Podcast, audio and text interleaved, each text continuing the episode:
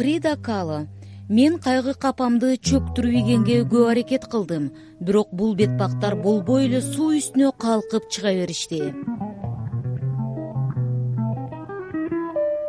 фрида кало алты жашында полиомиелит менен ооруп тогуз ай төшөктө өткөрөт. Ооруканадан чыккандан кийин жаш кыз сылты басчу болот. Себеби атрофиядан улам. Оң бутунун булчуңдары жакшы өспөй сол бутунан бир элидей кыска эле. Бир миң тогуз жүз жыйырма бешинчи жыл он жетинчи сентябрь. Мехико шаары. Автобус менен трамвай кагылышып бир нече жүргүнчү набыт кетет. он сегиз жаштагы медик студент фриданын кыр аркасы куймалчыгы оң буту бир нече жеринен сынат. Оң бутунун кетмени жанчылып курсагын шиш темир көзөп өтөт.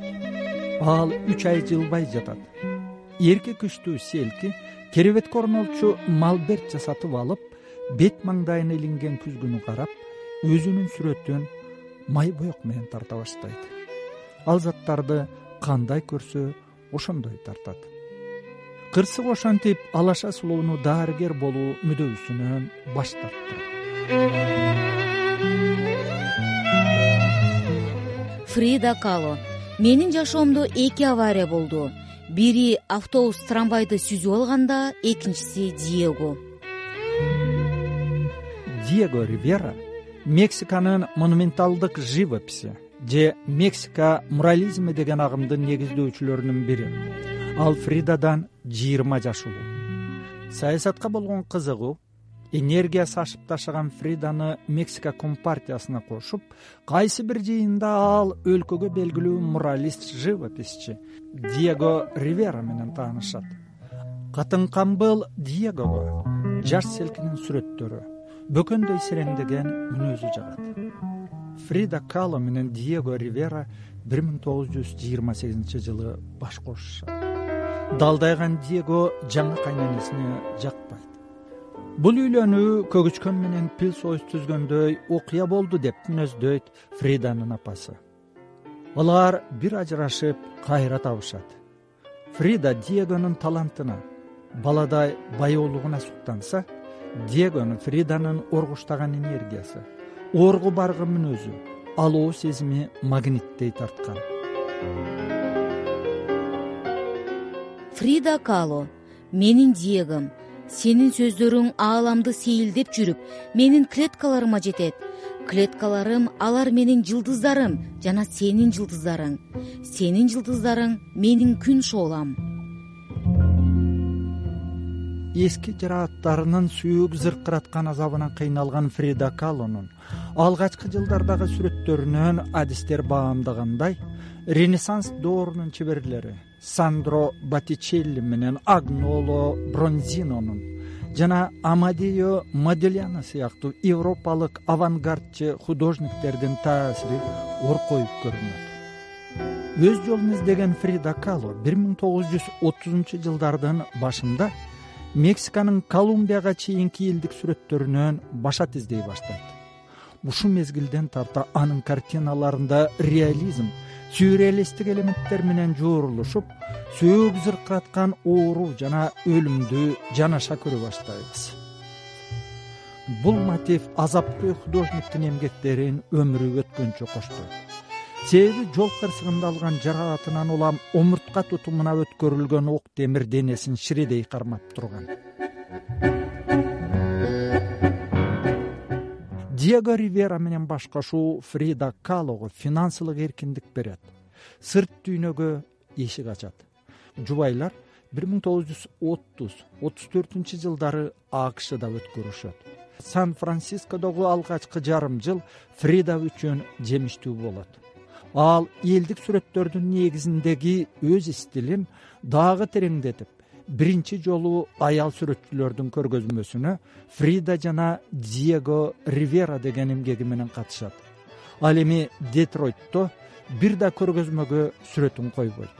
Бирок детройт ньюс гезитине чыккан залкар муралисттин аялынын бекерчиликтеги эрмеги живопись деген маеги менен шаардын богема чөйрөсүнүн көңүлүн өзүнө буралат. Бир миң тогуз жүз отузунчу жылдары мексикада диого ривера хосе клементо ороско давид альфаро сикерос башындагы дөйдөй монументалисттер популярдуу эле фрида алардын улутчулдук идеясын бөлүшөт лекин чоң фрескаларга кызыкпайт. Жан кыйнаган азабын баяндаган сүрөттөрдү тартып ротаблу стилинде көп иштейт. Ушинтип дейт мексикалык филолог мариселла бесерега мексика маданиятына жан киргизет элдик стилде элдик кийимдерди популярдуу маданиятка айлантат. Ретаблос олуялардын касиетин даңктап алкаган сюжеттик сүрөт. Ал демейде алакандай темирдин бетине тартылат. Фрида кало он сегиз жашында кабылган авариянын кесепетинен бала көрбөйт менин сүрөттөрүм оорунун азабын чагылдырат. Сүрөттөр жашоого акыркы чекитти коет. Мен үч баламды жоготтум. Сүрөттөр алардын баарын алмаштырды. Париждин дүйнөгө таанымал лувр музейи бир миң тогуз жүз отуз тогузунчу жылы фрида калонун рама деген автопортретин сатып алат изелкиндейлердин сүрөттөрүнө шыктанып тартылган бул живопись лувр музейи мексикалык художниктерден сатып алган биринчи эмгек болот. Ал париждеги сапары маалында пабло пикассо джоан миро жана башка белгилүү сүрөткөрлөр менен да таанышып алардын жылуу сөздөрүн угат. Бул окуялар албетте фридо калону өзүнө таандык стилди иштөөгө ого бетер шыктандырат. Ал сүрөтчүлүгүн да буркан шаркан түшкөн ишмердүүлүгүн да уланта берет. Бирок ден соолугу оңолбойт бир миң тогуз жүз элүү үчүнчү жылы гангрена болуп оң буту ампутация болот. Кийинки жылы мехикодо фридо калонун биринчи көргөзмөсү уюштурулат. Анын ачылышына алдан тайган сүрөткер тез жардам менен келип кечке залдан кетпей керебетинде жатып өткөрөт. Фрида кало бир миң тогуз жүз элүү үчүнчү жылы он үчүнчү июлда кырк жети жашында көз жумат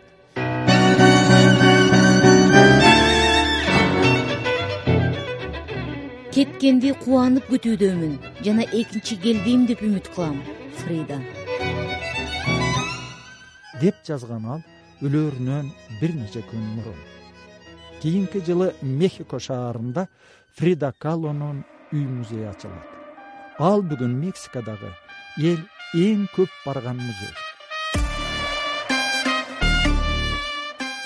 Бир миң тогуз жүз жетимишинчи жылдары фрида калонун трагедиялуу тагдырына кызыгуу кайра жанданат анын сотби аукционунда бир миң тогуз жүз жетимиш сегизинчи жылы сатылган үмүттүн дарагы бекем турат деген картинасы он тогуз миң доллар бааланат.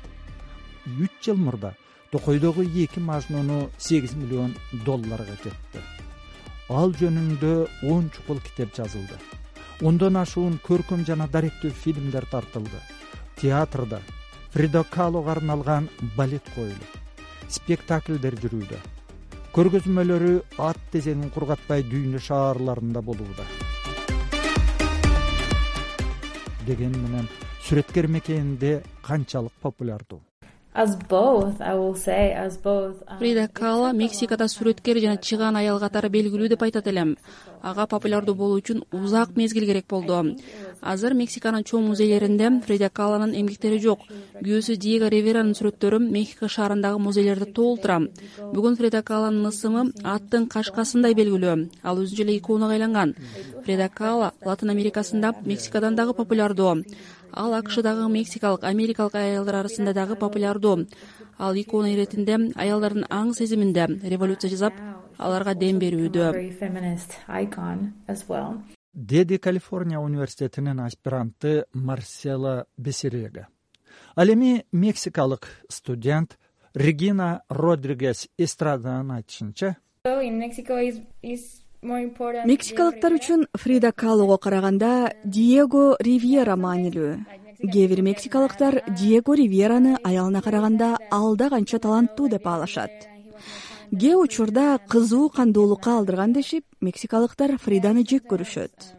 Экинчи бирөөлөр фрида жараатынан көп кыйналганына карабай сүрөт тарткан деп асманга көкөлөтүшөт палатио национал мехикодогу эң тарыхый жай анын дубалдарын диего риверанын мексиканын миң жылдык тарыхына арналган фрескалары кооздойт.